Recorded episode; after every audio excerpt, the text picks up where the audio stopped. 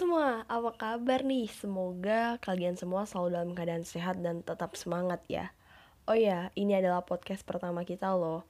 Kita di sini bukan mau menggurui kalian sih, tapi kita ingin berbagi informasi tentunya mengenai arsip pribadi. Yang jelas bukan arsip chattingan sama doi ya. Oh ya, kita kenalan dulu yuk. Nama aku Sandra Tirani, aku mahasiswi semester 3 jurusan perpustakaan dan kearsipan. Nanti aku bakal ditemenin sama temen aku Rizka Konita Salsabila yang dia juga satu kelas sih sama aku dan satu jurusan yang sama. Jadi tanpa perlu memperpanjang dan mengulur-ulur waktu lagi kita mulai masuk ke materi yuk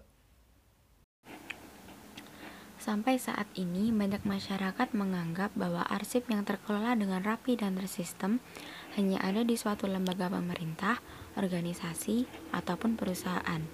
Padahal, Arsip adalah rekaman peristiwa atau kegiatan baik menggunakan teknologi informasi maupun non-teknologi informasi dalam kehidupan. Anggapan bahwa arsip itu hanya berupa kertas adalah keliru, karena yang disebut arsip bisa berupa kertas yang bertuliskan data-data, foto, CD, flash disk, bahkan peta ataupun prasasti. Hal ini dikarenakan di dalamnya akan terekam rangkaian kejadian masa lalu yang bisa berguna bagi kelangsungan hidup bermasyarakat. Sebenarnya nih, sejak kita dilahirkan, manusia sudah mulai membuat arsip loh, yaitu dengan dicatat kelahirannya oleh dokter atau bidan atau pihak rumah sakit sampai pengurusan prosedur administrasi hingga terbitnya akta kelahiran. Hal ini merupakan arsip pertama yang bersifat permanen dan penting yang akan kita terus pakai sepanjang hayat kita. Dalam perjalanan hidup akan tercipta arsip-arsip lain seiring dengan kehidupan yang berjalan.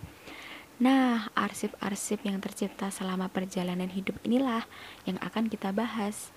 Karena sering kali tuh dalam penyimpanannya asal tumpuk atau asal simpan saja, seperti menyimpan di bawah kasur, atau di tumpukan baju, atau di dalam rak, dan sebagainya. Alasan mereka sebenarnya menganggapnya lebih aman dan mudah mencarinya lagi ketika dibutuhkan. Contohnya, kartu keluarga, sertifikat tanah atau rumah, BPKB, dan sebagainya. Nah, dan pada kesempatan kali ini saya akan membagi membagikan cara menyimpan arsip pribadi yang ada di rumah masing-masing, walaupun agak mengabaikan SOP yang telah ditentukan Andri. Pernah nggak sih, sering kali kita dibuat kebingungan, bahkan sampai kesal bila kita mencari ijazah atau kartu keluarga manakala dokumen tersebut dibutuhkan. Tak jarang kita harus memarahi seluruh anggota keluarga karena tidak ada yang bisa memberitahukan keberadaannya. Semua bingung mencari hingga harus menumpahkan seluruh isi almari. Dokumen yang biasanya dianggap tidak penting kadang membuat kita pusing tujuh keliling ketika tiba saatnya dibutuhkan. Nah, itulah gambaran singkat bila kita tidak peduli dan sering kali mengabaikan arsip keluarga kita, bahkan arsip pribadi kita sendiri. Di lingkungan arsip, setiap keluarga sebenarnya memiliki arsip-arsip penting yang dianggap tidak penting karena dianggap hal sepele yang tidak setiap hari digunakan atau dibutuhkan. Contohnya nih, ijazah. Ijazah kan sering kali dibutuhkan pada saat ingin melamar kerja atau kartu keluarga yang hanya dibutuhkan pada saat pendataan sensus penduduk.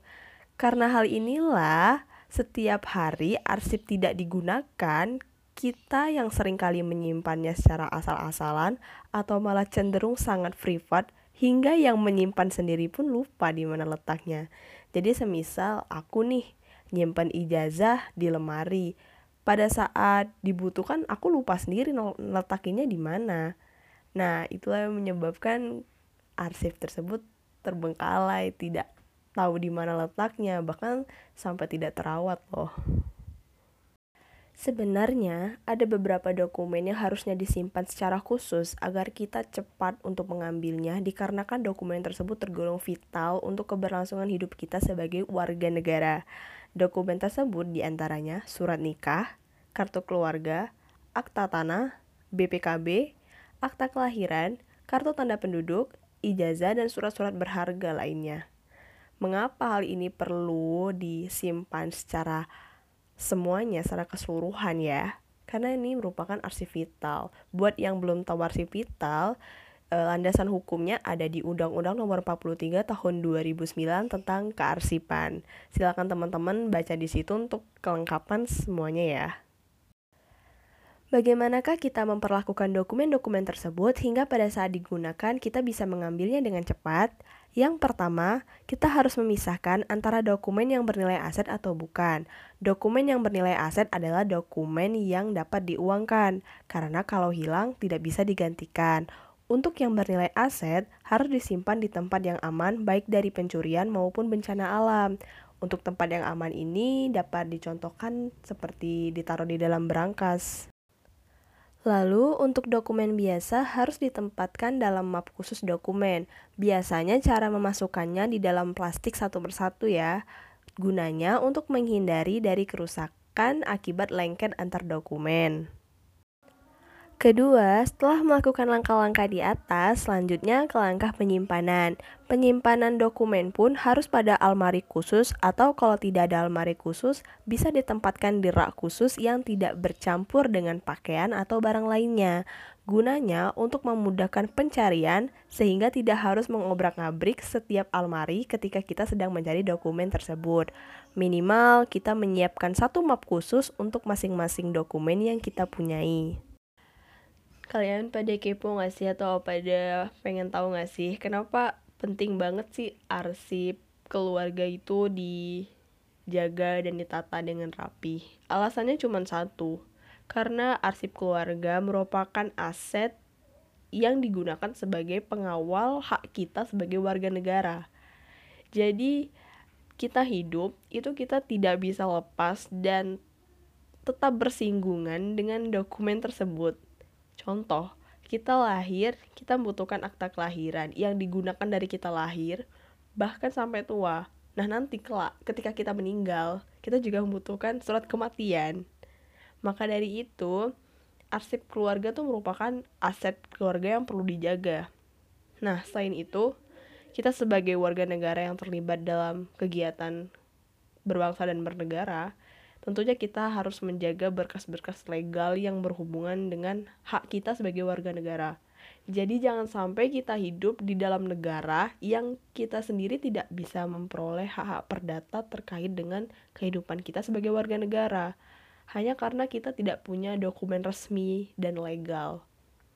Nah, dalam pelaksanaan kegiatan bernegara, tentunya negara mengharuskan memiliki dokumen resmi jadi seluruh penduduknya harus punya dokumen resmi. Karena salah satu ciri dari negara yaitu adanya legalitas yang memayungi kegiatannya. Di sinilah peran penting warga negara untuk terus berpartisipasi dalam pelaksanaan kehidupan berbangsa dan bernegara dengan cara merawat dokumen pribadi yang dipakai dalam transaksi bernegara. Jadi, ayo kita galakan gerakan sadar arsip untuk merawat hak kita sebagai warga negara. Karena sebagai warga negara, kita akan selalu bersinggungan dengan dokumen resmi saat kita bertransaksi dengan institusi negara. Ayo tertib arsip, karena arsip terjamin jika tertata. Terima kasih buat kalian yang telah mendengarkan podcast ini.